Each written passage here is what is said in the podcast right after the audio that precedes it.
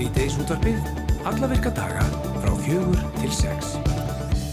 Jú, kæra hlustendur, það er síðdeis útvarpið sem heilsar ykkur á miðjúkudegi, það er komið 13. desember og við stýrið halda þau Guðrún, Guðrúndís Emirsdóttir og Kristján Freyr Haldarsson.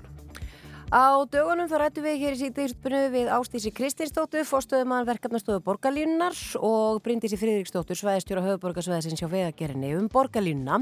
Það er að segja verkið sjálft og, og hvar það er start og við ætlum að halda áfram að ræða borgarlín í dag og samgöngur á höfuborgarsvæðinu og fá til okkar Þorkel eh, Sigurbjörnsson. Hann er varaborgarfulltrúi en hann er einni í félaginu samgöngur fyrir alla og við ætlum að fá hann til þess að ræða við okkur um þetta, eða um þessi mál og þeirra hugmyndir meðal annars um jarðgöng sem að þeirra sög gæti verið vænlegur kostur í stöðinni. Já, það er áhugavert. Uh, í kvöld fara fram sérstakir styrtatónleikar í bústakirkju þar sem ætlinn er að sapna fjö fyrir fjölskyldufólk úr Grindavík. Með þeirri sem koma þarna fram er Kór Grindavíkur kirkju og nýstofnaða barnakór kirkjunar og á efninskránni Jólatónlist Marju Kari og í útsetningu fyrir Kór. Við fáum hana Elinborgu Gísladóttur, sóknaprest Grindavíkur kirkju til þess að segja okkur aðeins betur allir saman. Ókipis heimsending og droppafending og hvað er það sem er afhengt heima dýrum? Jú, það er áfengi. Netsala á áfengi hefur vaksið síðustu ár með því að selja áfengi gegnum ellendar vefsíður og senda heim til fólks. Ef farið bligður að lausta svig við engaleifa áfengis og tópasvagnaverslunar ríkisins til smásölu á áfengi og lögbrotin og eðuveld gera ekkert í málunu. Svona hefst grein sem að Bjarki Olsen Gunnarsdóttir, þingmaður Vinstri Gretna skrifaði á vikublaði.is en hún tók málið einnig eh, upp á alþingi í gær og varaði við þessari þróun og við ætlum að heyra í Bjarkæði og eftir. Það eru svo auðvitað fjármargir jólalegir viðböru hjútum allt land á aðvendunni og jólatónlistin vitasköld víðast í forgrunni. En í Norðurljósasal hörpu verður í næstu viku dagskrá sem er á lágstemdari nótum en ella þó jólinn nálgist óðfluga.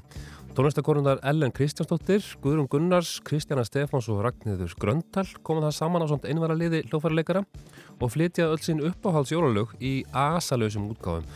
Við ætlum að fá það stöllur Kristjánu, Ellen og Ragnhildi í heimsótt. Og svo er að veðrið, það hefur að mestu leiki við landsbenn á aðvendunni og á síðustu missurum en búast má við talsverum viðsnúningi í veðri á næstu dögum og við ætlum að horfa aðeins í kortin með Sigurði Jónssoni veðufræðingi hér á eftir. En við ætlum að hefja þáttinn að venju sangant með því að ringja til Brussel. Það er nú held ég leita og fundur í nánd en uh, frettaréttari okkar Björn Malmqvist er, er á línunni eða ekki annars? Jú, komum við sæl. Já, sæl. Ég er í, síman, ég er í símanum. Þú ert í símanum. er ekki hérna leita og fundur á næsta leiti Evrópuríkjana? Jú, jú, hann Ertu er sko... Ég er bara slóðum? hérna í byggingu, í byggingu leituðaráðsins hjá, hjá, hjá Ærbúrsambandinu í, Mm. í miðborg Brussel uh, hérna, það sem er nú svona bladamanna miðstöð það sem ég kem nú ofta að vinna svona bara öllu í öfnu en núna er hún sérst full af bladamannum það ég held að sé búið að skrá einhverja 12-1300 blada og tökumenn og, og fréttafólk hingað næstu tvo, jafnvel þrjá daga því að Þetta er hansi stóra mikill leituafundur sem er að hefjast sko á morgun. Það er kannski rugglar þetta aðeins að það er sko leituafundur í dag en það er svona uppbytunarfundur með, með, með nokkrum leitufum sko ríkjana á vesturlöta Balkanskagans. Það eru sex ríki þar sem að vilja svona olm aðlast nánara samband við Europasambandið um, og þau eru hérna í dag en sko hinn eiginlegi leituafundur Europasambandsins hefst á morgun og það er náttúrulega stóra málið Úgræna. Já, Já. einmitt. Og er, eh, það er ekki vita hvort að hann verði þar meðal uh, þingmanna, eða það er að segja að verði þarna gestur Selenski eða hvað? Hefur það heyrst af því? Já, sko, maður heyrir, all- maður, maður heyrir alveg fullt, sko. Það, það eru svona, segja, mjög óstaðfestar kvistlingar eða bara svona einhverjar spekulasjónir um það að hann sé að koma mögulega, að ef ekki í dag þá kannski á morgun, eh, svona til þess að, að hérna, svona pressa á á, á áframhaldandi stuðning semst Evrópusambandsríkjana við Úkræna. Hann náttúrulega eins og þið vitið var í, var í Oslo í dag, flög þangað frá uh, bandaríkjanum og það er svo sem ekkert að ástæðu lausu að hann fór til Noregs, uh, krakkar, af því að normenn eru bara meðal stærstu sko, styrkjenda Úkrænu í heimi. Þeir voru, þeir, það er ekkert langt síðan að norsk stjórnvöld sko, ákváðu að setja saman eitthvað sem heitir Nansen áallunin. Það er, held ég, ef ég mann rétt, 5 ára áallun sem að hljóður upp á fjárstuðning upp á litlar 75 miljardar norskra króna. Það er sko þúsund, næstu því þúsund miljardar íslenskra króna til, hérna, til Úkrænu sem er náttúrulega bæði sko fjárhásæðstóð og hernaðaraðstóð. Þannig að sko það er, þú veist, Selenski sá alveg ástæðu til þess að koma til Noregs og hitta stöðri fórsetis á þeirra Noregs og náttúrulega okkar líka í leiðinu og allt það. Og, og núna er hann held ég bara í þessum töluðu er hann að halda ræðu í norska þinginu í Stortinget í Oslo. Og ég held að hann hafi heitt konungsfjölskylduna í dag og þú veist það er alveg full ástæði fyrir hann til þess að hérna að þakka vel og lengi fyrir sig í Noregi. Hvert hann fer svo, Já. það, það er stóra spurningin. Liggur ekki beinast við því í ljósi þess að hann var náttúrulega eins og segir í bandarækjónum að reyna að fá stuðning þaðan og aukinn fjárstuðning og, og svo í Noregi að hann komi við þarna á þessu mikilvæga fundi. Jú, það liggur mjög beint við ekki bara politist, heldur líka landfræðilega á leiðinu til Úkrænu. Já, En er ekki, uh, það, já, það er kannski bara það aða má, málið þarna, stóra málið er hvort að, að Úkrænu er því bóðið þarna til aðeldar viðræðarna. Já, það er sko annars vegar það er annars vegar það að honum veri að sko Úkræni verið bóðið upp í, upp í dans í aðildavirðaðum sem að þeir hafa sóst eftir sko þeir sóttu um aðild fjórum dögum eftir að rússar réðust að fulla þunga inn í Úkrænu 24. februar í fyrra. Mm. nokkrum mánuðum síðar fengu þeir stöðu umsóknaríkis og svo í november núna bara fyrir rúmum mánuðu síðan þá ákvað sem sagt frangvandastjórn Európa-sambansins að Úkraina væri búið að gera það mikið af umbótum í sínu stjórnkerfi að það væri tilbúið í aðeldavirðaður og það er svo tillaga sem að verður tekin fyrir á leituafundunum á morgun eða já á morgun og kannski líka á förstu daginn, maður veit það ekki en sko og það eru allir allir, það eru allar þjóðir í Európa-samhandunum samþykjar þessu nema ungverjar þeir standa í vegi fyrir þessu og, og vegna þess að svona ákvörðun um að bjóða nýju ríki í aðildverðar þarf að taka samhljóða af öllum, öllum þeim sem að tilhera sérst, ESB þá hefur ungverjar land í rauninni neitunavald og, og, og getur stoppað þetta. já. Þannig að þeirra atkvæði skiptir miklu máli. Það skiptir öllu máli. Já. Núna er bara verið að Núna er bara verið að starfa í Viktor Orban fórsetis á þeirra bara búið að vera núna stanslausir fundir hérna og annar staðar og veist, það er búið að bjóða honum í mat í, í hérna, í hvað heitir það þurr, Elysée fórseta höllinni í París og Charles Michel hérna sem er uh, fórseti leituðarásins uh, hann fór til Budapest og það er búið að reyna blíðka kallin alls konar.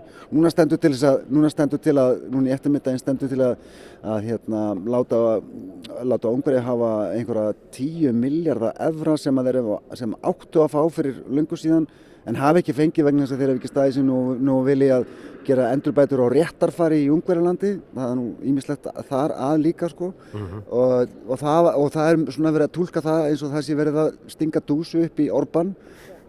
Og, og, og hérna þannig að svona þannig að sko stuðningur yfir Úkræn er, er, er svona, þú veist, liggur við orðinu einhverju skiptimynd hérna sko Já. Sem er eiginlega ekki alveg eins og það ætti að vera eða það. En hvernig er það, eh, Björn, því nú ert þú þarna í Brussel sem er svona já, miðdebill Evrópu, Hver, hvernig er, er mikið fjallað ennþá um Úkrænustríðið eða er það aðeins að drukna í svona vegna frétta af ástandinu á, á Gaza?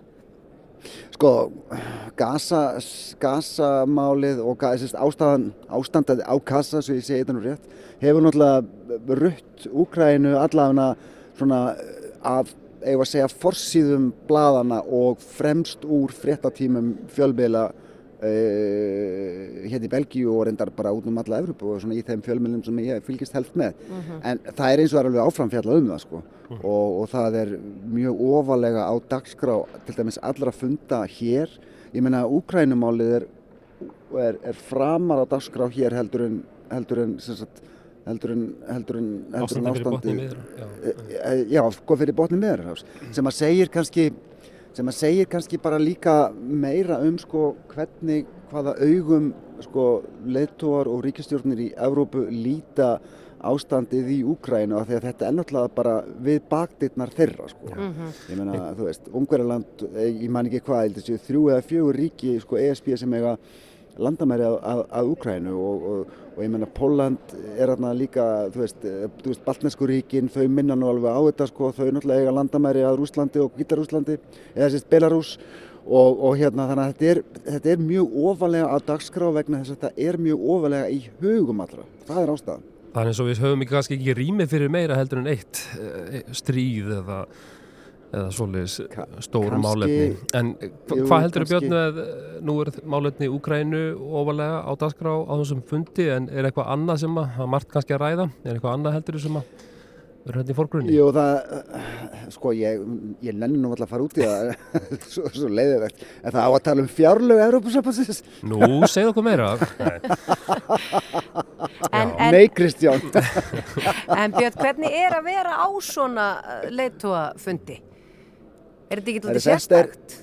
Jó, þetta er mjög sérstætt, sko, ég kem inn í vinnuna nánast alla daga í, í þetta hús og þá lappa ég í gegnum svona risastórt lokað andiri sem er með svona glerþaki og, og það er nú venjulega tómt eða frekar tómlegt og kannski svona virkast kannski sem einhvers konar svona partur af, af, af svona loftræstikerfi þessar, þessara byggingar sem er náttúrulega risastór en núna er þessi, og kannski heyri svona skvaldrið í kringum mig og bergmálið hérna núna er, núna er þessi salur sko fullur af borðum og stólum og blaðamönnum og, og, og blaðakonum og, og tökumönnum og tökukonum sem eru, sem eru svona að koma sér fyrir og koma sér í gýrin fyrir letuafundin eins og ég sagði ykkur á það er svona búið að skrá um það vel 1200 manns á fundin ég held að verði örgulega fleiri af því að þetta er einn merkilegasti og svona mikilvægasti fundur letuaf sko ESB sem hefur verið haldinn í talsverðan tíma, kannski bara síðan, þú veist, ég veit ekki, COVID eða eitthvað álíka sko, eða bara síðasta krísa sem að var, hvað var það aftur, ég maður það ekki eins og niður, Já, uh, flottamannakrísan 2016 eða eitthvað álíka, uh, herru, og núna er Donald Tusk í vittali hérna frammi, hann var bara að lappa í salin, Já, já. hann er ný skipaður sko embettis, embettis, uh, fórsetisráþurra Pólans, Póllands, bara já. var settur í embetti í morgun. Uh, og náttúrulega gerði sitt fyrsta verk að fljúa til Brussel og mæta hingað á, á litla leitu að fundin með vestur Balkan uh, skaga ríkjónum. Tú, sko Tusk er náttúrulega hagvanur hér, hann var, var fórsetisráþurra í átta ár í Pólandi og var síðan fórseti leiðtóðaráðs Evrópusambansins þannig að hann þekkir hér hvern krók og kema og ég veit að það var reyndar, var reyndar talað um það um tíma að hérna, það sást oft til hans hérna í gardinum liðin á heimili mínu þar sem hann var að skokka á mótnana að vísu með tvo örgisverði en þetta var mjög heimilislegt og hérna þannig að hann, hann er mjög kátum með að koma aftur. Talandi um svona leiðtóa sem að sjást út á götu þá sá ég mitt Úrsulu von der Leyen sem er fósetti frangotastjórnar ESB og svona ígildi, ég var að segja ígildi fósettis ráþæra Európa-sambansins hérna, hún var bara hérna á röltinu hérna á milli húsa þegar, þegar ég lappaði fram hjá henni og svona nikkaði kurtislega kolli ég var náttúrulega ekki að kynna með henni ég menna, Nei, nei. leið, þú veist, bara, En já, bara þetta eru, kollegar einir hérna úti, það er bara svo Æ, leiðis. ég, ég ég, ég myndi nú ekki ganga svo lágt.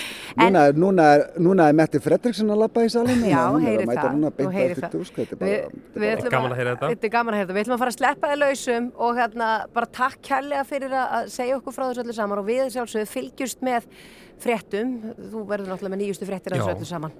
Jú, við verðum með fréttir af þessu, er alltaf, við ætlum að fjalla um það í kvöld að, að sko, Katrín Jakobsdóttir fórsettisræðara hitti Selenski í Oslo í dag og það verður í, í sjónvarpunni í kvöld uh, og svo náttúrulega á morgun verðum við með fréttir af þessum fundi og alltaf mjög mikill áhuga því að sjá hvernig, hvernig reyðir af sko, stuðningi við, við Úkrænu hérna á þessum fundi, eh, sérstaklega í ljósi þess sem að hefur verið að gerast í bandaríkunum Já. á undarförnum. Þetta, er- þetta er mjög mikilvægur fundur fyrir Úkrænu og fyrir Evrópasambandi. Fylgjum spennt með. Takk fyrir Björn, kærlega fyrir. Takk, takk fyrir það. Heyrust.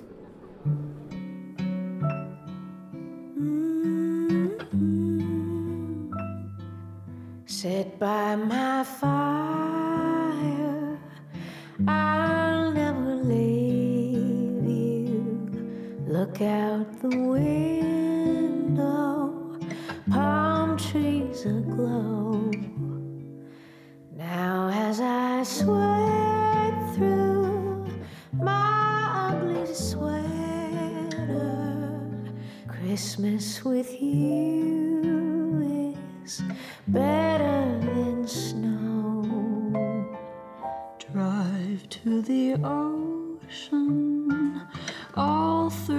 December. It would be nice to hide from the cold. Then the sun warms me, and I remember Christmas with you is better than snow. Christmas with you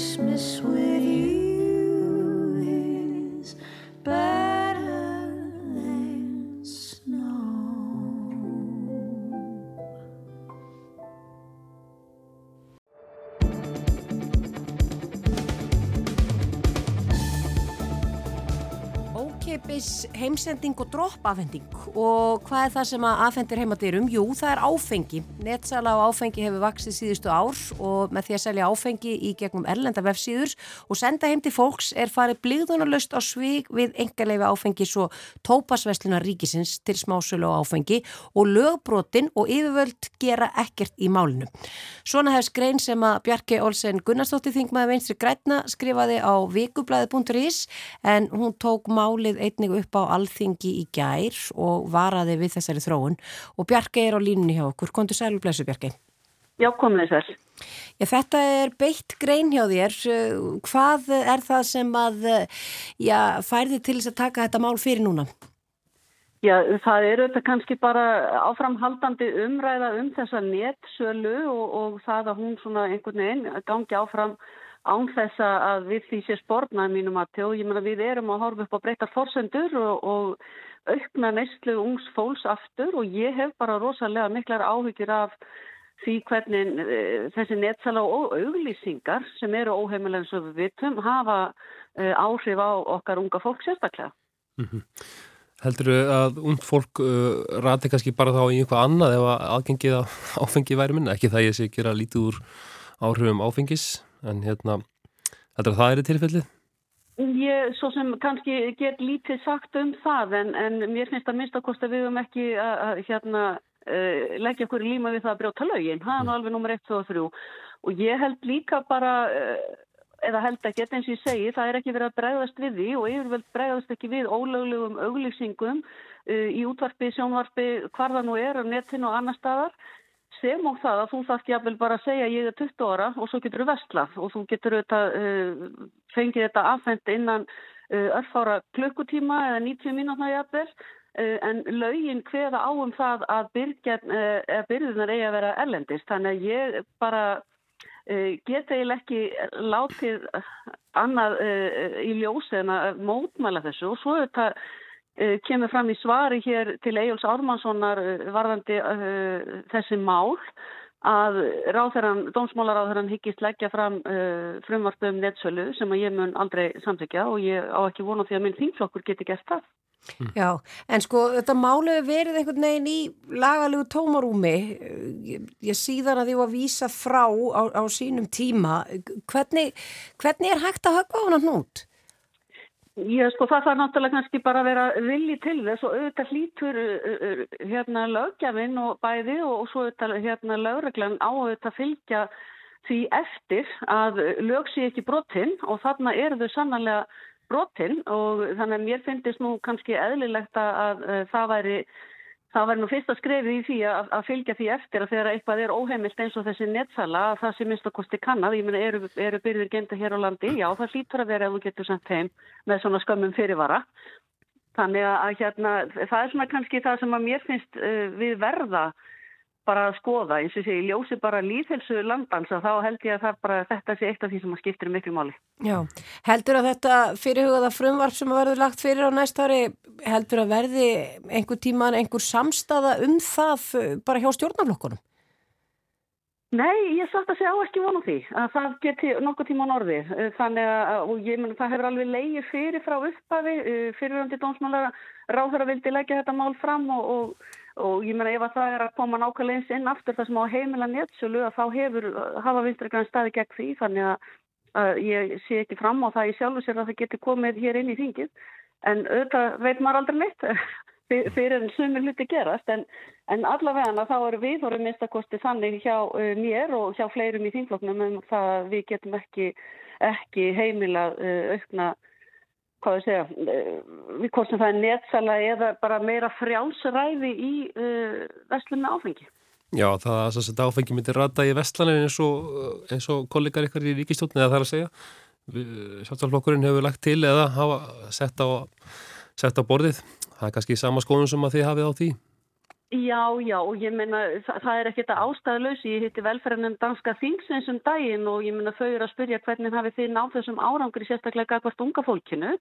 Og ég meina við eigum sögu um það að, að, að hafa náð ágættis árangri með forvarnar fræðslu og öðru slíku og Þetta er talið sterkasta vopni, uh, hérna, alþjóða heilbyrjusmálstofnun segir það að þessi eigasala áfengisveslunarinnar uh, sé eitt sterkasta vopni þegar að kemur að forverðnum og ég vil ekki höfva skarði það. Ég tel að við eigum að vera stolt af því að hafa náð þeim árangri sem við þó höfum náð en það sýnir núna að það er að aukast aftur áfengisnesla hjá ungu fólki og þess vegna finnst mér við verða spórna við þótt. Mm. Bjarki Olsen Gunnarsdóttir var að forma þingflokksministri græna. Takk fyrir að vera á línni hjá okkur. Kæra takkir. Takk, takk.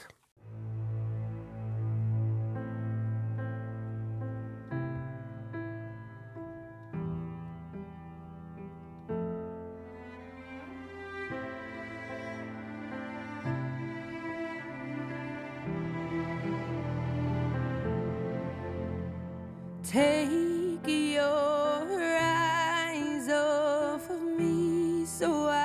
can leave. I'm far too ashamed to do it with you watching me.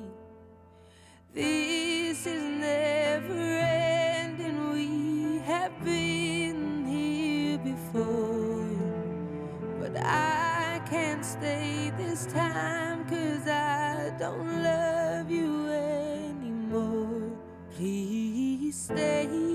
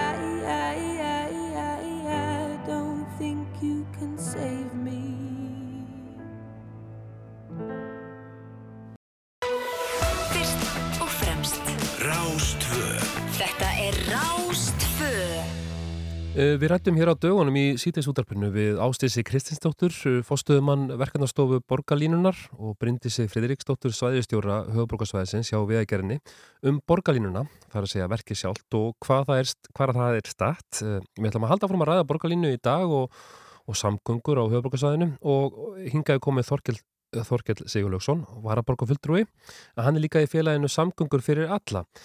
Þorkell, við kannski bara spyrjum hérna svona í upphafi, hvernig, hvernig borgarlina væri ykkar, ykkur helsta skapi?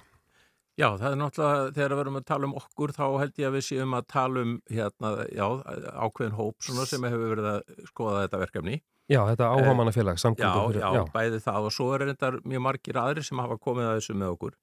En það sem við höfum verið aðeinslega að horfa á er það að við getum ekki beðið mjög lengi eh, eftir því að bæta hér samgöngur. Þannig að við viljum strax fara í það að bæta almenni samgöngur með þeim tækjum sem við höfum í dag, sem er strætó, auka forgangsagreinar, bæta ljósastýringar, fá nýja vagna, gera þessi hérna, fa- farmiðakerfi notæf og, og búa þannig í hægin að við getum byrjað strax að bæta almenningssamgöngur. Mhm. Vegna þess að það er, það er okkar mati mjög mikilvægt og það er hægt að gera mjög mikið í því efni.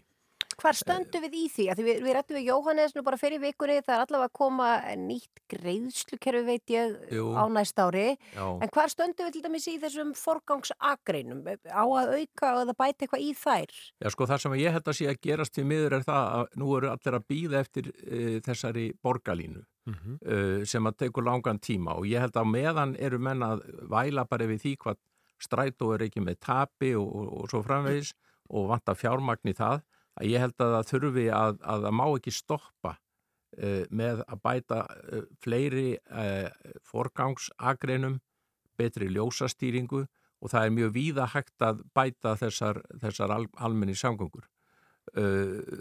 Þessi svo kallaða borgarlína sem að hefur verið í dag í, í vinslu að hún mun taka okkur já, tíu ár kannski að komast upp í að vera fyrsti áfangi uh, með góða móti og, og það er ekki fyrir uh, ég lít, lít svolítið á uh, þetta samgöngukerfi eins og slagaðakerfi í líkamannum og svo ertu með há- háraðarnar, það er eins og eh, strætókerfið sem matar þessa megin stopn leiðir sem borgarlínan er. Mm og uh, ég vil strax sem fyrst fara að sameina það, þessa hugsun að við erum að horfa á borgarlínu og strætó sem eitt uh, sameigilegt kerfi.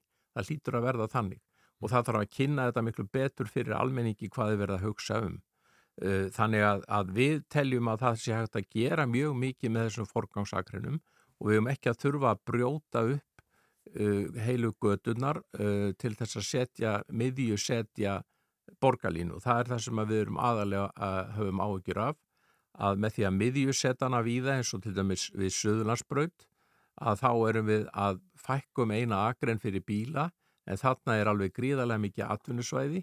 Það verður ekki að keira þarna yfir göduna með því að beigja til vinstri þeir sem eru að ko- koma í vestur átt og uh, verða að fara allan inn á kringlumverubaut og taka uppbeigju þar og svo eru þarna stórir íþrótta viðburðir eh, þannig að það, hvort sem menn eru með borgarlínu eða ekki þá afkastar þetta svæði ekki eh, þeirri þörf sem er fyrir samgöngur, fyrir bíla. Er þetta þá svona helsti þetta- gallin? Þetta er helsti sem gallin ykkur við, finnst vera. sem er, finnst vera að miðjusetja þetta og, og, og taka úr taka frá uh, bílaumferð vegna þess að þrátt fyrir allt þá mun bílum ekkit fækka þakka fyrir ef við náum að halda í horfinu og við sjáum bara hvernig ástandið er í dag þannig að við þurfum að bæta þetta uh, og, og við þurfum að, að megum ekki gera það með því að þrengja að umferðinni og þvinga fólk til þess að neyðast til að nota annan samgöngum á þetta. Að þessum kvöldum við þetta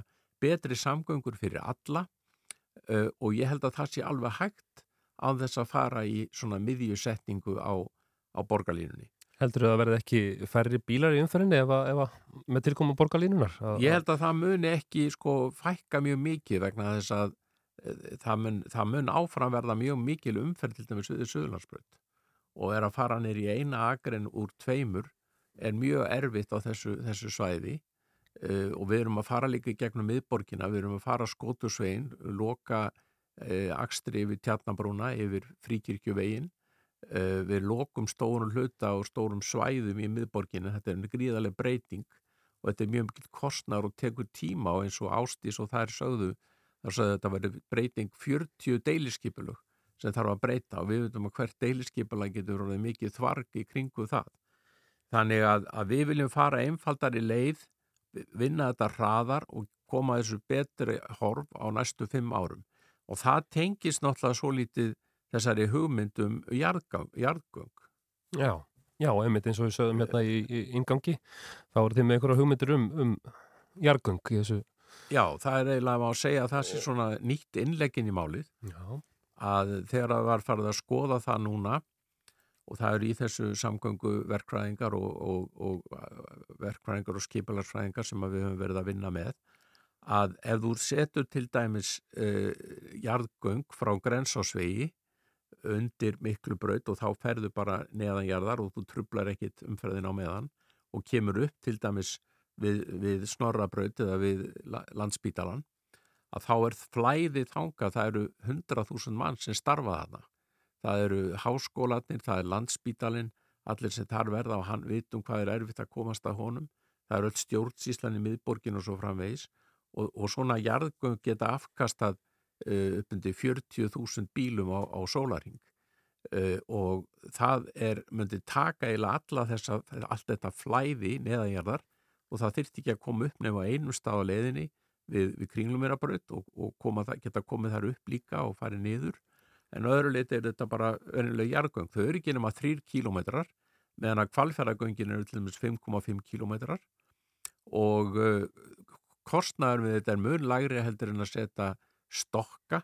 Að þú setur stokka eins og hugmyndin er þá þarf að slíti sundur alla lagnir, eh, vastlagnir, ljósleðar og svo framvegis og setja þetta undir stokkin og öll umferð tefst og voru að búa til hjáleiðir eftir, eftir miklubrautinni. Það verður gríðarlega í mörg ár, gríðarlega tafir. Ef þú setur jarðgöng, þá ger, verður engi var við það meðan þau eru í vinslu, þú koma bara tilbúin eftir 7-8 ár kannski og á meðan eh, verður engin var við trublun og, og þetta mun kosta mun minna. Eh, þannig að ég held að, að það með skoða fleiri svona tækifæri, auðvitað ekki ekkert á jarðgöng nema þau séu það á vissi lengt en borgin er þannig hún stækkar og vex og jarðgöng þurfa ekki að vera jarðgöng fyrir borgarlínuna, heldur bara taka umferðina burtu niður og búa til rólega götu ofajarðar eins og miklubrutin er þá, þá er ekkit vandamál að taka stræt og þar bara venjulegar hérna, leiðir og uh, þetta verður róleg gata ofanjarðar. Já, þið segist að þið séu að skoða þetta með eða, eða sérfræðingar og verkfræðingar og aðra að skoða þetta. Eru... Og betri samgöngur held ég sé að skoða þetta líka Já, er... sem eru að bera ábyrðu á þessu verkefni. Á þessu verkefni. Mm. Er, þetta, meina, er þetta mikið gert í borgum elendis að gera svona jarðgöng? Já, sko, maður byrjuði náttúrulega á þessu, hérna jarðgöngin komi náttúrulega fyrst bara í London löngu áðurinn bílarnir voru komin til sögunar. Þá voru hestvagnar og þá voru hérna hestar og vandamáli var að hvað ætlum að gera hérna í, í Londona því það eru alltaf fyllast hér af, af, af hestum og, og úrgangi og þeim og, og það var mengunin þá og svo kom náttúrulega bílaðum fyrir setna og þá tóku menn þetta neðanjarðar og fóru að byggja göngi neðanjarðar til að leysa umferðavandamálin. Við værum bara að leysa umferðavandamálin núna. E, e, allstaðar elendis erum við með sko ykkur, ykkur annarkvort neðanjarðar eða jafnbröðalistir ofanjarðar við höfum ekkert svona samgöngukerfi mm. og þess vegna er þetta ekkert óæðilegt að þegar við erum með kvalfjörðagöng sem þjóna kannski upp undir 10.000 bílum á sólarhing að við séum með göng sem að geta þjóna alltaf 40.000 bílum á sólarhing og þörfin er gríðarlega mikil hérna innanbæðar. Mm. Þannig að nú... þetta er ekki eitthvað sem er alveg nýtt, það eru jarðgöng viða elnendi sem þau eru oft Já. notuð aðalega undir lestaðar. Já. En Þorkell, eh, núna hefur borgarlínu náttúrulega verið á, á teiknaborðinu ansi lengi og við hefum fengið ansi marga frettir af þessu öllu saman, hvernig, svona, hvernig þetta verður allt saman. En hérna, e, þú talar um áðan, þú ert búið að lýsa nokkrum hlutum sem að þér finnst kannski ábúta vant eða ykkur Já. og, og, og þar á meðal upplýsingaflæðinu. En hva, hvað myndið hva myndi þú segja að væri að þið, svona, það helsta, helsti gallin við, við borgarlínuna og þau, og þau, Uh, hérna, þessa fyrirætlanir? Sko helstu gallin, helsti gallin er auðvitað sá að það á eftir að, að hérna, verða mjög miklu umferðanútar sem ég sé ekki alveg hvernig verða leistir. Til dæmis bara þegar að þú ferði yfir þessa fínu nýju brúi fossóin sem kostar nú sitt að þú þarft að tengja borgarlínuna inn á kerfið upp á landspítala og, og tengja það við samgöngukerfið þar. Það er ekki búið að hanna þetta svo þarf að fara í miðbæ og fara í gegnum miðbæin og það er ekki búið að hanna það og fólk almenningu veit ekki hvaða áhrif þetta mun hafa. Og það náttúrulega er ekki kannski takt við líðræðið sko að það sé ekki betur upplýst afleðingarnar af þessu. Síðan eru að fara hverfisgötuna, þú verður að breyta henni annarkort í einstöfnugötu eða taka alveg út bílaumferð, þú verður að fara með laugavegin og þrengja hann neðri hluta, efri hluta hans og uh, eins og mér nefndi með Suðurlandsbrautina að þetta eru mjög alvarlegar breytingar sem mun að hafa áhrif á fyrirtæki og almenning sem er að ferðast á, á, á þessum, þessum svæðum. Og ég held að þetta hafi bara ekki, fólk er ekki búið að átta sig á, það, á því að miðjusetning á borgarlínu þýðir það að eh, bílaumferð þarf alltaf að stoppa á kannski hálfs kilometris fresti eða, eða, eða meira e, til þess að hleypa gangandi fólki yfir á borgarlínuna sem er í miðjunni og það er bannað að beigja til vinstri þannig að þú getur ekki bílaumferðin, hún verður mjög hæg á þessari einu akrein sem verður til ráðstöfunar. Bara 10.000 manna fótboltaleikur inn í, í lögadalsöll inn í lögadal að, að hérna, ég sé ekki alveg hvernig menna það leysa það að koma þeim fjölda á stað uh, og þá að byggja hérna þjóðar leikvang eða þjóðarhöll hvað við köllum það líka og, og það er voðalega mikið gert ráð fyrir því að menn komi, fólk komi ekki á bíl sem að ég held að sé eitt af aðal vandamálunum við, við þessa, þessa eh, hönnun. En bara svona rétt í lókinu því tíminn Já. er að hlaupa frá okkur uh, uh, finnst ykkur uh, verið að hlusta á þessar hugmyndir til dæmis með jargöngin? Já, ég held að það sé verið að hlusta á það og, en það sem ég óttast núna, nú er verið að endur skoða samgöngusáttmálan og þetta snýst svolítið um hann að hann er bara að tefjast og tefjast eða allt Mm árið að klára þessa endur skoðun á honum.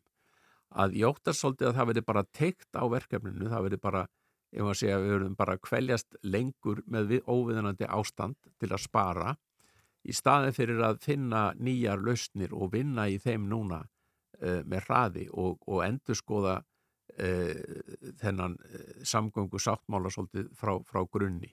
Þannig að það er það sem ég er að leggja áherslu á uh, setjumst niður núna, ræðum þetta málefnalega uh, og almenningur fái aðeins meiri upplýsingar um verkefni. Þess vegna er gott að fá tækifæri bara í dag til að spjalla um þetta og bara þakka fyrir það því að, því að þetta er eitthvað sem fólk þarf að hugsa um og, og mun hafa mikla, mikil áhrif á og ferða vennjur fólks. Já, bara takk kærlega fyrir að koma til okkar Þorkell Sigurljósson var að borga fulltrúi og félagi í félaginu samgöngur fyrir alla og, og ræða þessi mál við okkur og ég held að þetta sé ekki í, í síðasta sinn sem að við hefum eftir að ræða þessi mál og heldur ekki við þig, við hefum eftir að fá þig aftur hérna í þátti. Takk fyrir. Sjá Takk fyrir að koma. Já, takk sem við leiðis. Just hear those sleigh bells jingling, ring, ting, tingling too.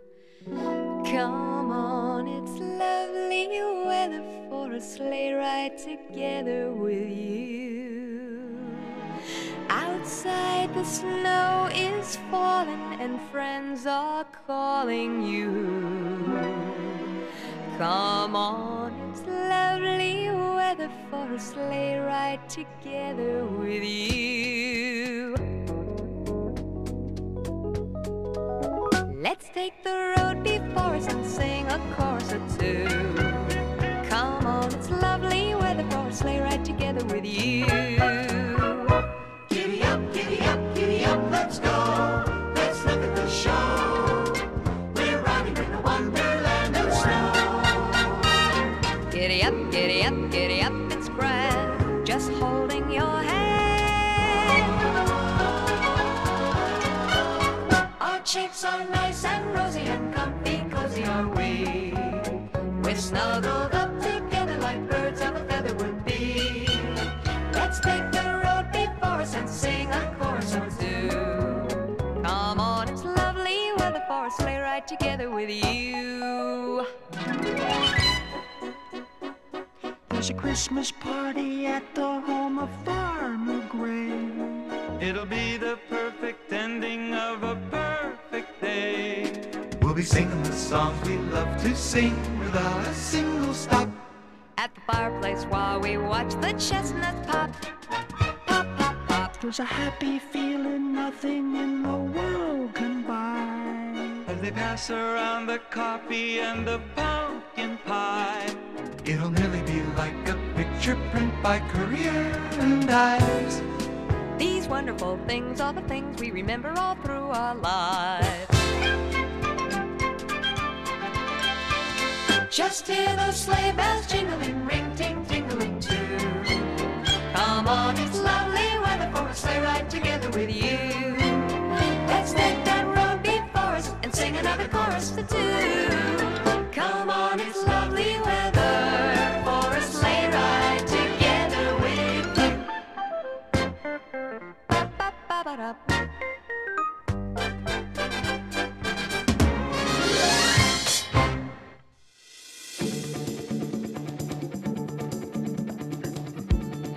Þetta eru ljómandi jólalegt og við ætlum að vera þetta jólaleg Kristján á næsta klukkutíma. Setni helmingnum. Já, Já, sem við þá.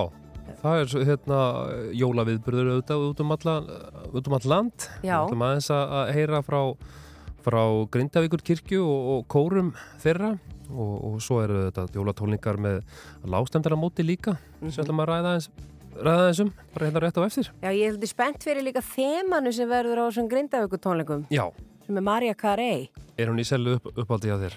Jólaplatar hennar kemur út þegar ég, hvað, 12-13 ára þannig að Já, þú já. getur rétt ímyndaðir. Já, ég var aðeins of cool hérna, fyrir ekki þegar það kom út. Svo ætlum við líka aðeins að fara yfir veðrið, það er einhver kvellur, Jú. uh, einhver leiðindi næstu daga. Við erum búin að vera heppin, þannig að við erum bara þakklátt fyrir það, en, en það er einhver leiðindi í kortunum. Við töluðum um litabók og kakó áðan og það verður kannski smá framald af því, held ég. Ég held það líka. Einmitt. En fyrst tilkynningar og, og, og fréttir. Já.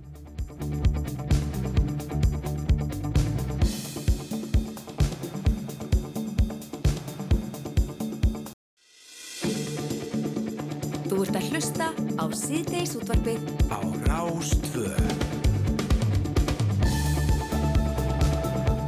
Jú, jú, það er þannig, þú ert að hlusta á síðdeis útvarpið á Rás 2 og uh, það spáðir uh, leiðindum í veðrinu. Við ætlum að fara vel yfir það hérna eftir, Kristján. Já, ætlum að fá Sigur Jónsson til okkar til þess að for, svona, segja okkur aðeins frá því hvað við eigum í vændum Já. í veðrinu.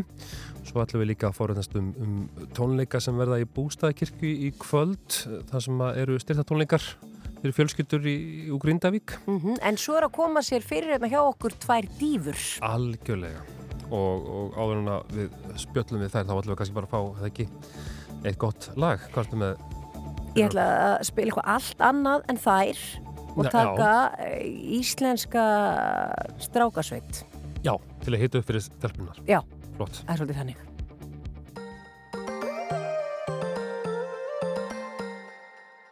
Ég er venjulegu maður, mátt stóla á mig Sami staður, sami matur, sama jólamynd. Og ég skil þú byrð eitthvað framand og nýtt. Sorry en þannig eru bara ekki jólin mín.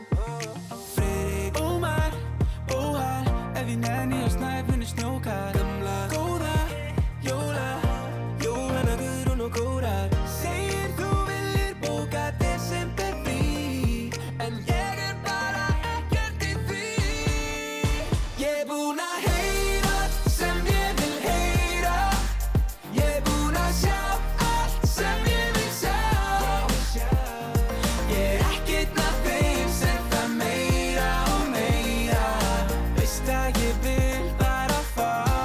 Þessi típisku jól. Yeah, yeah, yeah, yeah. Oh, Bara þessi típisku jól. Ég hengi upp gömlu rauðu serjurnar Vil bara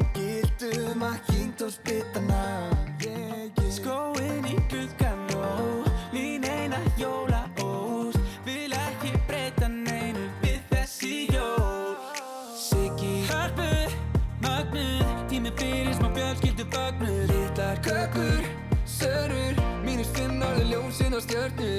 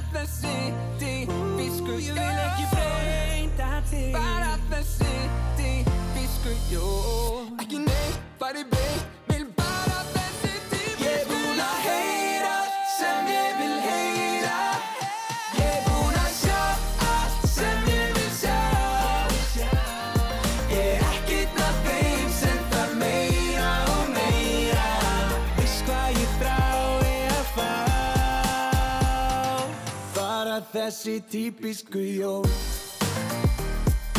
Yeah, yeah, yeah, yeah. Bara þessi típisku jól. Bara þessi típisku jól. Bara þessi típisku jól. Þessi típisku jól með Ice Guys við Kristján Lóðum því við ætlum að spila ég þetta er eitthvað allt annað en það sem að við- verður spilað í, í Já. hörpu. Akkurat. Þetta, hérna, þetta voru Ice Guys og okkur þótti, já, ekki beint viðeigandi endilega, en þetta er svona góður upptaktu fyrir það sem við ætlum að ræðum næst. Þeir, eru, þeir eru að hitu upp þeir eru að hitu upp fyrir þetta spjall Já. okkar.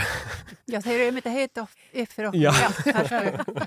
En hingað, hingað til okkar eru komnar það er Ellen Kristjánsdóttir og, og Kristjana Stefansdóttir og þið eruð að, að fara að halda tónleika á næstu dögum, næstu viku eða ekki, er það á þriðudaginn? Jú, þriðdægin, Miðvikudaginn, Já. akkurat. 20. des. það verða allir ringlegar á dagsetningum þetta annað, en jú, 20. er á miðvikudaginn Já. Þetta eru jóli í Norðurljósum og við tölum um það hér í kynningu að þetta væri tónleikar sem að væri svona á lágstendara nótum heldur en ella. Er það tilfellið? Ætlið þið að svæfa gesti Norðurljósa? Nei, ég, held við ætlum að reyna að freka bara að koma með hátileikan og, og kærleikan og von, þú veist, það er svo mikið ykkur þetta, það sé nákvæmlega málið, við gerðum það líki fyrir, þetta er svona tónleikarnir sem að við, gengum út frá því þegar við ákvæmum að gera þetta saman, þetta samstarfa, þetta eru tónleikarnir sem okkur langar að fara á. Mm. Já, Mhm. einmitt. En það, ég var samt pælið sko að því þú sagði svæfa það, ég er alltaf með svo róli lög, ég held að sé samt að því mamma sagði alltaf, já þrjá eldri bræður hún sagði alltaf að ég róaði strákana niður Já, þannig að sé eitthvað svona fast í mér. Já þú sko róar mig alltaf fyrir jólin með, með bróðuðinum og jólasalmum og öðru slíku. Einmitt. Þannig að þarna verður efniskráni ímislegt svona svona kannski sem að getur losað við, okkur við kannski stressið, jólastressið, því að það er nú einhvað sem að flestir kannast við og, og einhvern veginn það er kannski orðið bara orðið þannig að fólk tala svo mikið um það að það bara leitar í það að fá í sig jólastress, eða ekki? Finnst ykkur það ekki? kannski, sumir kalla þetta bara eitthvað stemningu, ég veist, keira sig upp í eitthvað, eitthvað svona eitthvað svona jólagrúf eða Já. eitthvað, þú veist, setjast í svoleiðis en, en þetta er eitthvað svona sem að bara okkur dreymdum að því að sko það er rosa gamla að fara og hressa á skemmtilega tónleika, jólatónleika og, og það er ekkit að því og bara, mér finnst mjög gaman að því sjálfri en hérna, þetta er eitthvað sem við bara tókum ákvörnum og hérna, okkur finnst gaman að fara þanga. Mm. Já, og líka tímasetningina, því þetta er 20. desember, þetta er Já. orðið það nærri Já. jólum að þarna má maður fara að vera þetta hátílegur. nákvæmlega Já. Þetta er, er manni óætt að, að einmitt fara að hlusta á lögin sem að já, við myndum ekki setja kannski á núna. nákvæmlega, það er nefnilega máli punktur. já. Og hver er að verða með ykkur? Má spyrja því? Já, það, það er náttúrulega tvær aðrar söngunur Já. sem að heita Ragnir Gröndal og Guðrún Gunnarsdóttir Já, Það já. er frábært band líka sem er Eithor Gunnarsson og Guðmundur Pétursson og Þorgrim Jónsson og Magnús Tryggvason Eliasson Já, já, já. Þetta verður allt handspila, það er ekkit playback á þessum tónleikum, það verður bara Ú, þannig að þetta er allt bara svona authentic og beint í æð og bara e, kemur beint, hljóðfæri, já, já. bara beint að kunni eins og þeir segja, Já, já, einmitt. alvöru hljóðfæri já, en þið allar svona dýfur, ég meina, þurfið bakrættir? Nei, það er nefnilega skemmtilega, við röddum Já. sjálfa sko já. hver aðra. Við erum með mikið að röddu dæmi sko, svo er auðvitað sko, þetta er ekki, við viljum ekki bara vera með einhverja sálma en það verður líka alveg pínu jazz og blues og við spörkum aðeins í, bí, í bítiðin á milli Mhm. en samt kannski lástemdar en annað, við erum ekki með lúðrasveiti eða, eða batnakór, þetta er bara við. Já, þetta er bara því. Já. En ég menna nú er desember, það er oft mikið stress, eða bara stress, mikið ála á tónlistafólki í, í desember. Hvernig er þetta búið að vera hjá ykkur? Er þið búin að ná að sigla hann bara þokkalega það sem að er og, og, og þið bara farið alveg slakar inn í þessa tónleika og allt klárt? Maður heldur það alltaf, sko. Maður heldur alltaf að ég er, fyrsta sinn núna sem ég er ekki, sko, ég var alltaf með borgadæturum og káká. Já. Og svo, veist þannig, það var 20-30 tónleikar í desember. Mhm. Og nú er ég í svona engaðstöðum sem að, ég tek alltaf ábyrðin einhvern veginn einn, þannig að þetta er alveg rosa stress. Veist, Ég var til dæmis á æfingu áðan fyrir eitthvað sem ég er að gera á föstu daginn og, og svo framvegis, en þetta er samt sko róleira hjá mér. Já, en, en bara öðruvísi álag. Bara öðruvísi álag, já. Já. Og ég er alveg að spila fram til 2000 annan, þannig að það var Já. ég komin í frí og þannig að búið að vera brjála hjá Kristjánu. Búið mikið að gera með, en að, að, það er öðruvísi þegar maður er að framlega hlutina sjálfu, sko. Það, það hérna kemur öðruvísi stress inn. En sko, hérna, ég lærði það fyrir mörgum árum að því að ég hef alltaf haft mikið að gera í desember, líka að því ég hef líka verið að kenna og það eru nefnda tónleikar og það eru próf og alls konar, að bara ég klára jólagjafirnar í oktober-november. Og líka, nota bene, þetta er gott trikk, sko, að dreifa þessu meira, annars þá fari ekki einhvern trælan reikning í bakið sko setna mér og, og klárar ekki peningin des. Kristján, þú hefur kannski verið að segja okkur Ég þetta kom í með rosalega kvíða núna. Ég, ég var að horfa á þann og allar pakkan sem ég eftir að pakka inn og, bara, og eftir að kaupa nú. Að því, ég hef gert þetta sko. Já, það er næs. Það er rosalega næs. Já. Já. Það getur bara verið svolítið í nefnilega stemningunni. Akkurat. Er þetta orðið, orðið að ykkar hefð þið, þið voru með þessa tónleika í fyrir eða ekki eða hvað? Er ég að ruggla? Jú, nei, nei, fyrra. Vorum við Einmitt. það fyrra. Í Akkúrat. fyrsta sinn, já. Og funduð þið kannski á okkur að þið kannski bara róðust bara eftir þessa tónleika?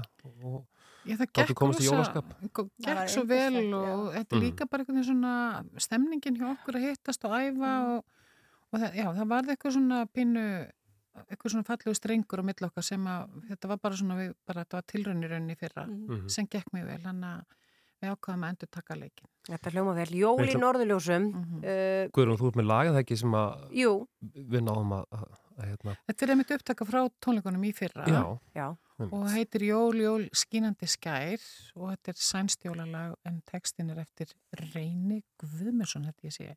Mm. Alveg að segja Það hljóma vel. Er það ekki? Samt er það ekki samfærandi? Jú, reynir. Já. En þetta, við bara, við ætlum að enda þetta á þessu lægi. Jól í norðurljósum, uh, Hann er Guð, Guðsteinsson Reyni að Guðsteinsson, já, já, já, já. Þá spilum við það. Já. En þetta er sérst á miðvikudaginn næsta, eða það er að segja eftir, eftir rétta viku. Já. Já. Rakka. Gröndal, Guðrún Gunnars, Kristjana Stefáns og Ellen Kristjáns. Þetta, bara getur ekki klikkað Nei, á svona frábæru hljófæra Uh, og lægið heitir? Jól, Jól, skínandi skær. Takk, takk fyrir að koma. Já, takk Takk fyrir fyrir okkur. okkur. Og gleðileg jól. Já, gleðileg. Gleðilega hátíð.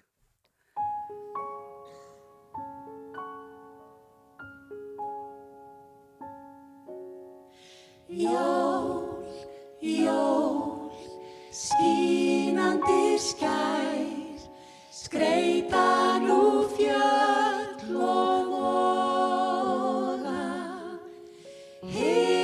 Himinsins glitrandi gimsteinum frá, gleði fregn englarnir mönnunum tjá. Frelsarans komu oss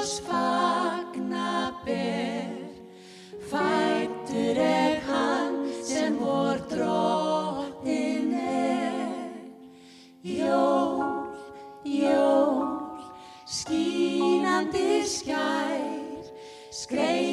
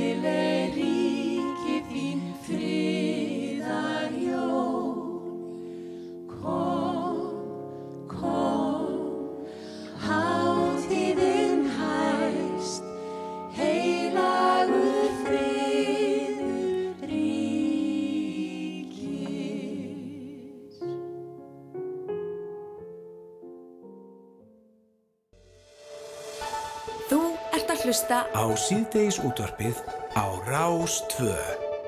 Já, það er komið að því að við ætluðum aðeins að eh, renna yfir veðrið og þetta er með aðeins óhefbundum hætti hjá okkur. Þetta er ekkert búið að vera oft svona í haust að við þurfum að tala við veðurfræðing. Nei, kalla til, veðurfræðing. Við höfum svona oft verið að, líta yfir hugleðingar, veðurfræðinga og, og slíkt en, en núna er búið að spá einhvern kvelli, við höfum séð það og svona í, í miðlum Já, já. Hérna, og við erum búin að hafa kannski svolítið gott upp á síkastið og, og, og landsmenn allir kannski bara með, með aðvenduna svona í, í, hálgjörur blíðiðri og síðustu missurum en núna má búast við talsverðum viðsnúningi og hingað komið til okkar Sigurður Jónsson, hvað segiru? Eða við von á einhverjum stóraðum í veðri?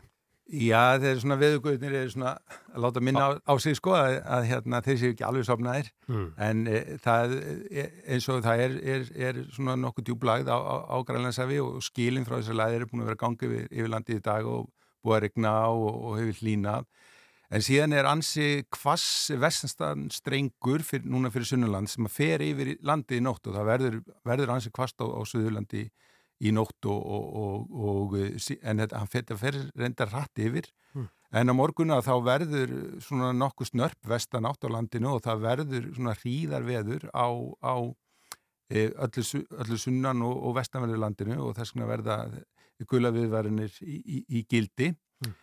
Uh, síðan svona eh, gengur þetta nú eh, svona kannski svolítið niður þegar, þegar það eh, líður á morgundaginn, hversi síðan aftur aðra nótt og síðan á föstudaginn þá kemur svona ný lagð sem að, svona, gengur inn í þessar gömlu og þá fer aftur að regna á landinu og þá Já. verður aftur hlínar aftur svolítið og þá, þá, þá það sem að hefur snjóa þá aðfara nótt föstudagsins breytist í, breytist í regningu og, Já.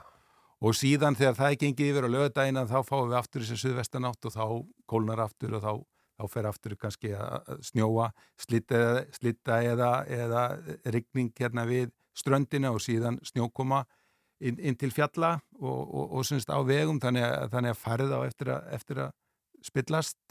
En, en eh, svo maður segja eitthvað smá jákvæmt að þá, þá eiga nú svona austurlandi á nú eftir að sleppa sleppa nokkuð vel sko, það verður lítil, lítil, svona, lítil úrkoma þar og, og svona nokkuð bjart Já, þannig að fólk þarf að taka þetta með inn í reikningin núna ef það ætlar að fara að ferðast núna fyrir helgina.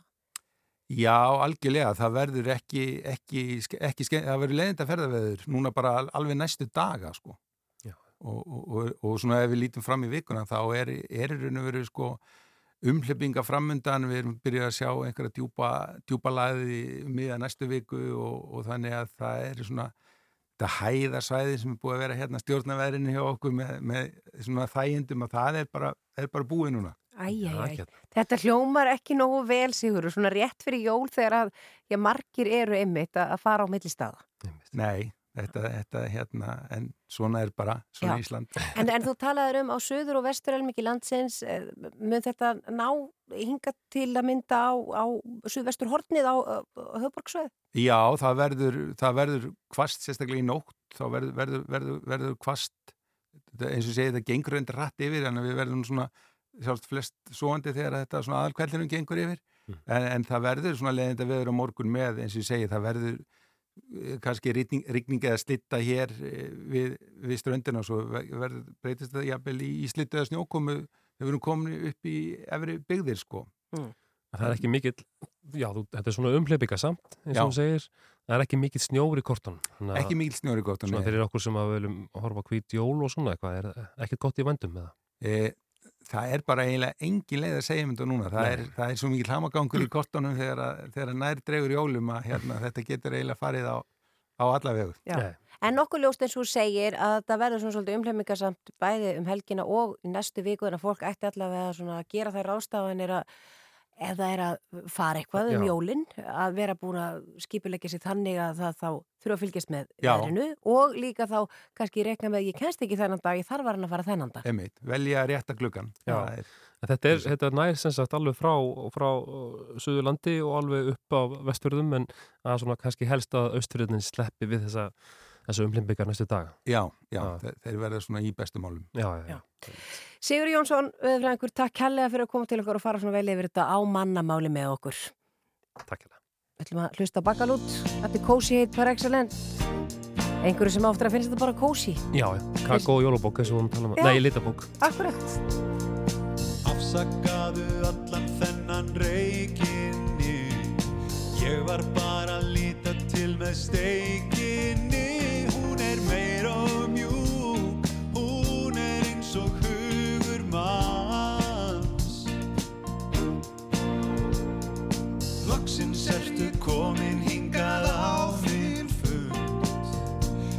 svo gjörla þetta er töfra stund Útir vindur og fjúk. Kósi heit par excellence. Smakka sósuna Því mér finnst hún í það finnsta. Hún þar kort er en Í það allra minnsta. Við setjumst að borðum Aha, já við setjumst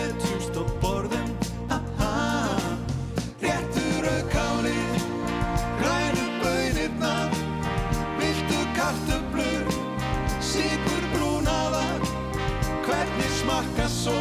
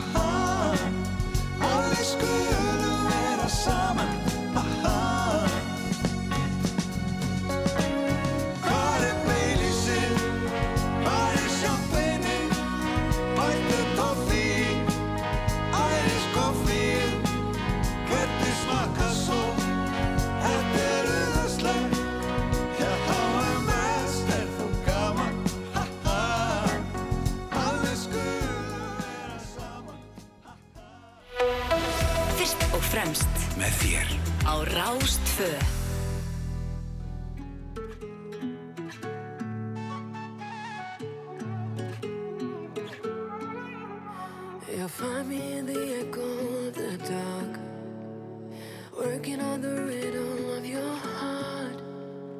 Lost you in the maze, now let me out. Is it love? Is it love? Is it love? Without a warning,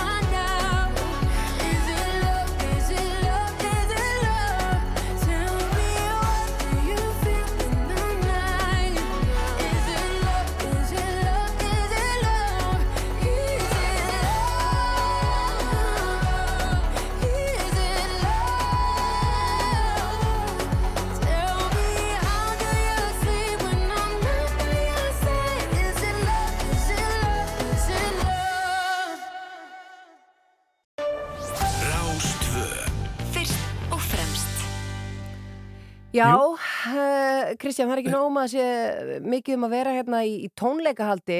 Það er líka, og náttúrulega bara aðvendan og veðrinu og bara allt að gerast. Mörg að higgja. Það er að mörg að higgja. Þá er, erum við í fósittabygganum. Já, nefnilega sko, það er handbóltinn.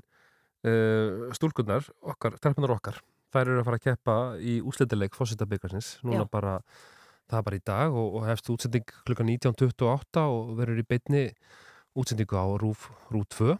Mm Þetta er náttúrulega búið að vera mjög spennandi og það er töluð bara um það að, að það sem það komist ekki í úslitaðna á, á hérna EM, heitir það ekki? HM. HM. Þetta er heimsmeistaramóti, Kristján. Þetta er ekkert Evrópamót. Þá hérna, þá var það fósitabeikarin sem var framundan og þær ætluðu bara ekkert að, að gera litt minna heldur en að, að sigra sigra þann leik, bara fá beikarinn heim og, og eru held ég bara búin að lofa Guðuna TH, fósitavorum beikarinn heim á bestastæði Þannig að þetta eru stóra orð en, en við skulum sjá hvernig gengur. Þetta er þessast Ísland og, og Kongo sem að keppa. Já, og ég sé það líka að vera fjallum að efnin á rúbúndurins að byggarinn er hugafóstu fórseta alþjóða handknalleg sambandsins og kom fyrst í sögunar á HM Karla 2011 Mhm. og þetta er Egyptin Hassan Mustafa hann hefur setið sér fastast í fórsetastólnum frá árinu 2000 og hann er 79 ára gamall Já. og hann er hugsað til þess að hafa verkefni fyrir þau lið sem að detta út eftir riðlakeppni og liðin fá því leikreinslu og geta keft að einhverju og þrátt fyrir að Kongo og Ísland leikjum 2005. seti mótsins er byggar í bóði og sigurveri leiktagsins mun lifta byggarnum við velunatöfn að leikum lokkum. Þið minnst þetta er aldrei gott af því að það þurfa öll, eins og við til dæmis, við vorum að fara á þetta stórmót í fyrsta sinn, ég man ekki hvort það var ég held að það hafi verið 11 ár Já. sem að uh, kvennalið var að fara á svona stórmót okkar kvennalið Mhm. í handbólta og þarna er að koma gríðarleg leikreinsla inn Já. af því að fyrst þetta fór svona sorglega Það er ymmit og það er svo mikill uppgangur líka í okkar liði.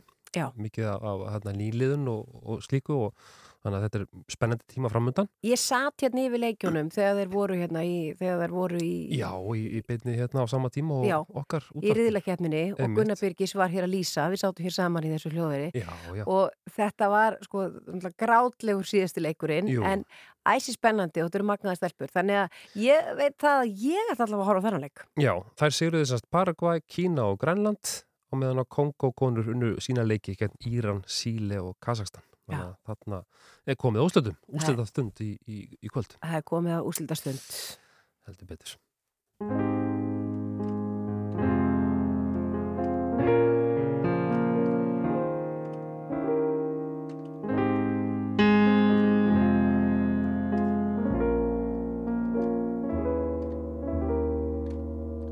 Have yourself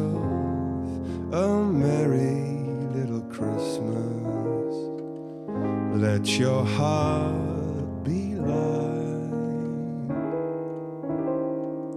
From now on, our troubles will be out of sight.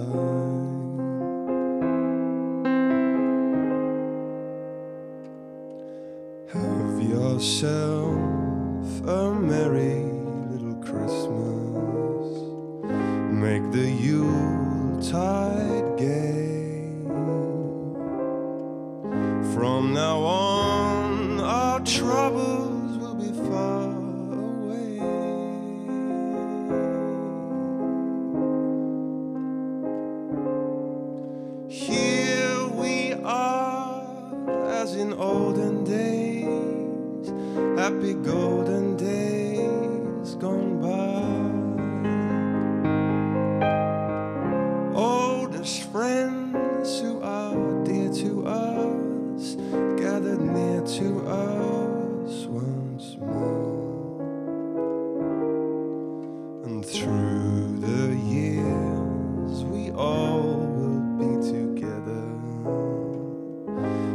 the fates allow. Hang a shining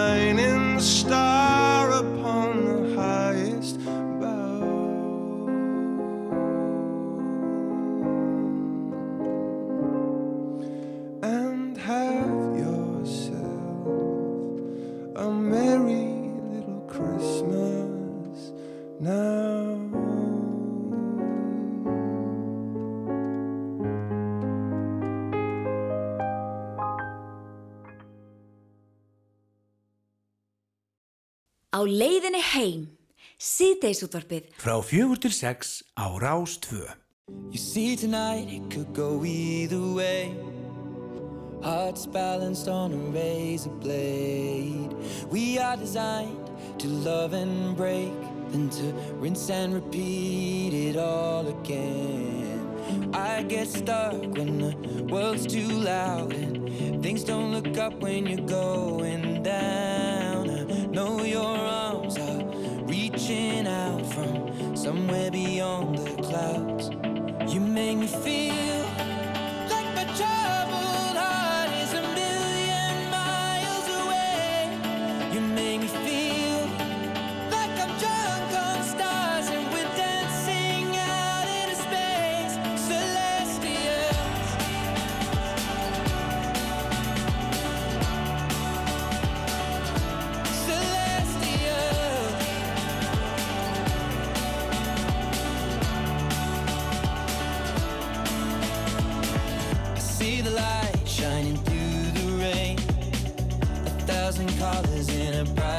shade. Needed to rise from the lowest place. There's silver lining that surrounds the gray. When I get lost, will it come back round? Things don't look up when you're going down. I know your arms, they are reaching out from somewhere beyond the clouds. You make me feel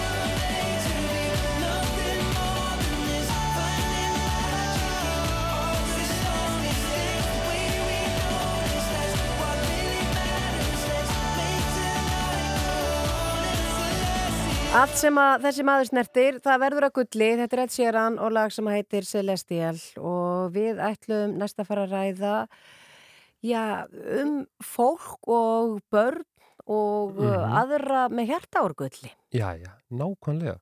Það var góð og falleg brú hjá þig, Guðrún.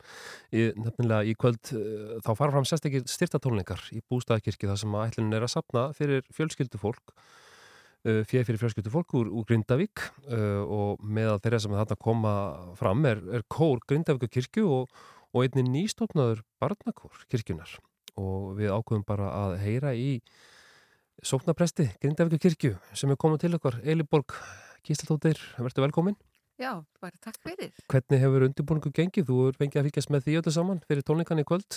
Já, hann hefur bara gengið ágætlega.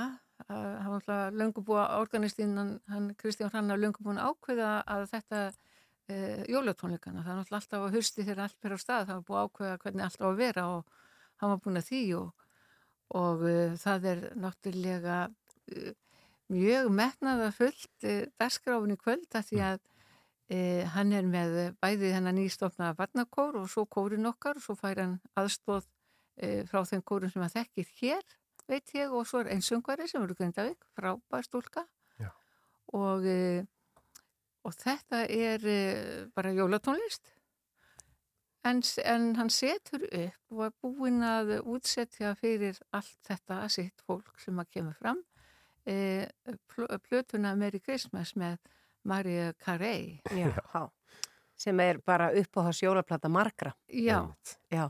En ég menna, þetta lítur að vera svakalega mikilvægt, Elinborg, að já, grindvikingar, það er ekkert að ímynda sér hvað þeir eru að gangi í gegnum af því maður er ekki sjálfur að ganga í gegnum þetta, en að geta komið saman og eins og þú segir, kórin að æfa núna á fullu og það er búið að stopna batnakór. Uh, Þú ert nú búin að vera með þessu fólki allan þennan tíma. Já, ég búin að því að því að við vorum, sko, maður segja það að það var heppilegt að tollhúsi var löst fyrir Grindvíkinga. Stórt og mikið hús sem að við fengum inn í. Það er öll þjónusta hjá Grindavíkubæ og það er allt sem er og það er ég með mínar skurstofu og organisti líka. Já. Já, frábært. Og þar er fer líka fram, sko, að góður salur þarna líka í tollhúsinu og, og þar er flíillinn og okkar í Grindavíkukirkju staðsettur og þar hafa verið æfingar eldri borgarstarf og meira og meira Já, gangi. þannig að þarna getur fólk hist sem að, já, er kannski ekki að ná að hittast daglega eins og, eins og það var að gera. Já, þetta er alveg opið rými fyrir, fyrir grindvinging að koma og fá sér kaffi og, og sækja sér líka allar upplýsingar og þjónustu sem það vantar á og bara á svona óvissu tímum. Sko. Mhm. Og þarna er nýstofnaður uh, barnakór Já. uh, og það hefur gengið vel að, að hérna, fá börnin, já, bara kannski bara gott fyrir börnin að, að hafa einhvað framöndan og, og, og hérna, fá jólin, jólaskapið svona í getum þetta. Já, það er náttúrulega, hann var stopnaður bara fyrst kórinn og Af organistunum þá? af organistanum, já, Já. já, já, af, af organistanum, Kristjáni. Hann er ótrúlegu maður. Já, Já, já, hann er ótrúlega maður. Ég myndi segja að hann hefur alveg x-faktor í Já. tónlist þegar kemur að því. Mm -hmm. Og e, hérna, og hann náði strax mjög til bannana og það er ótrúlegt að sjá á það að þetta er svo stuttu tími. Svo leiðis að, og þau mættu, fóreldarinn komið með þau alveg bara núna í tollhúsið og efðu, já, já, já, já. Já. Við, við heyrðum nefnilega í Kristjánu hérna í síðdeisutbunu, það var ekki löngu eftir að var búið að rýma bæinn af því að hann var að hafa áhyggjur af einmitt flóta fólki eh, sem hafi eh, farið hingað og þangað, var náttúrulega upp í kvalfjörð og, og víðar. Þannig að hann lætur sig ímislegt varða. Já, það er náttúrulega mjög gaman að segja frá því að það voru uh, flóta fólk staðsett í Grindavík, kom á, síð, eh, já, kom á þessu ári. Og uh, flest eru frá Venezuela og við náttúrulega, okkur vantar alltaf fólk í kórin, sérstaklega kallarættir, sko, svo erfitt á kallarættir og það bara komu hvað, fimm eða sex rættir frá Venezuela, fjóri, fjóri kallar og einn kona og uh, það er náttúrulega bara frábært og við erum búin að æfa með okkur og, og munum taka þátt sko. Mhm. en nú er þið náttúrulega flutt og eru hér, hér og þar en þetta er allt mikið hæfild leika fólk bara eru mikið mentu flest og eru uh, í tónlist sum sko mentuð. Eliborg, nú hefur þú eflaust og þurft að takast á við alls konar krefjandi hluti í þínu starfi sem að sóknaprestur uh, og núna sóknaprestur í Grindavík kirkju. Hver, hvernig er búið að vera að, að, að bara á þessum tímum sjálf þurft að uh, fara á þínu heimili? Er þetta ekki búið að vera uh, nokkuð strempið og að halda í já, bara trúna á vonina og, og bjarsinn og byrtuna og stappa stálinn í fólk? Jú, það er alveg verið krefjandi. Að sjálfsögðu hefur það verið það. E, ég fekk nú strax inni og við þar sem að þannig að ég þurfti ekki að fara að leita lengi af húsnaði, svo lýs að ég komin alveg í skjól og get verið þá að lifa flytjum tilbaka. En auðvitað bara skók þetta mann ótrúlega að þurfa að fara heimilinu og það er ekkert að lýsa því sérstaklega þessari tilfýlingu að fara og kannski eiga ekki afturkvæmt og e, en, en það er náttúrulega sko að vera prestur það er ótrúlega ég er mjög þakklátt fyrir að vera prestur það er gefandi starf. Og ég rækta e, sko mína vonu, mína trú ég fæ það úr meðal annars úr trúni og biblíunni og, og vera með fólki sálmónum og öllu því sem að maður er að fást við dagstaglega en bara að vera með fólki skiptir svo miklu máli það gefur manni kraft og orku að vera með fólki. Og, og, og það er og mér finnst núna svona að vera þannig að jú, núna erum við öll ekkert neginn trúum við því og ég held að það sé bara þannig við förum heim einhvern tíman á næsta ári og eh, við vonum það. Og það er bara svolítið að það er núna erum við öll svona aðeins meira fann að setjast svona innra með okkur svona allt, allt svona öðruvísi. En e, það er svona allt, allt og ég held að flestum okkar líði aðeins betur núna heldur en fyrstu dagana.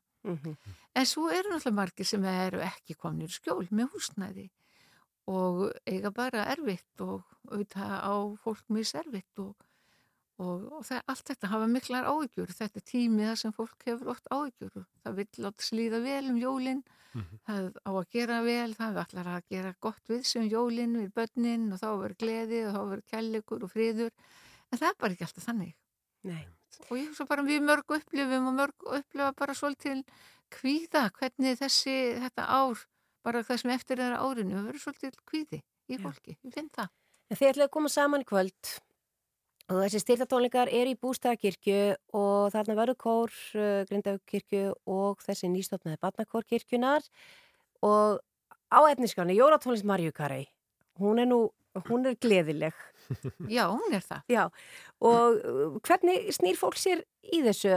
Mætir það bara og kaupir miða þann? Eða... Já, það er bæði hægt en það var líka hægt að kaupa á tix.is og uh, ef það eru eftir miðar þá getur fólk komið og kipt sér miðar þarna í ingangin. Já, já, já, og styrst þannig kannski fjölskyldur frá Grindavík á þessum tímum ég held það. Akkurat. Það bara verður frábært. Ég, ég hlakka mjög til því ég held að þetta verður rosa skemmtilegt. Já. Og ég held að þetta verður frábært stund, sko. Já.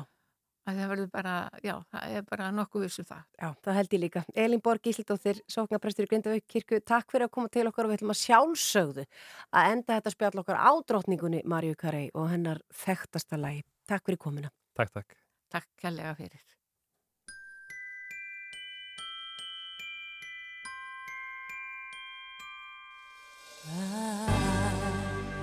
Don't want a lot for Christmas.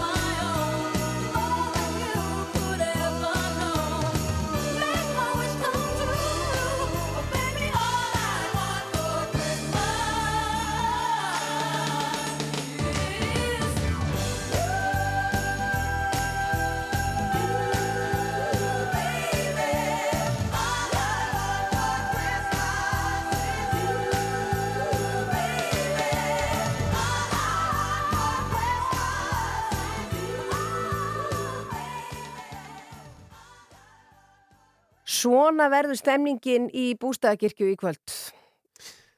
heldur betur, þá Elin Borg gatt sagt okkur aðeins frá þessum tónleikum og, og bara almennt um fólki í Grindavík og, og, og slíkt en hún hefur aðstöðu sinna í tóllhúsinu nýri bæ eins og margir Já. en þarna ver- verður hérna, hefur mikið gleði vonandi er ljós og þetta er hátil ljós og friðar Já. þannig að vonandi geta flest þau hérna, að því í bústakirkju kvöld og, og hvetjum alltaf þess að fara Já, en það er eiginlega bara komið að loka okkur, Kristján. Ég veit það. svo gaman, já, já, Við sem ætlum að spila alls konar tónlist, við því ekki að. Já. Ég vil ekki enda þetta bara hérna á Moses High Tower. Lefa þeim að- að að hljóma hérna fram að, uh, fram að uh, fréttum eða speiklinum. já sjáum hvað setur Já. og við bara þökkum fyrir okkur í dag fórum víða eins og venja er Takk hérlega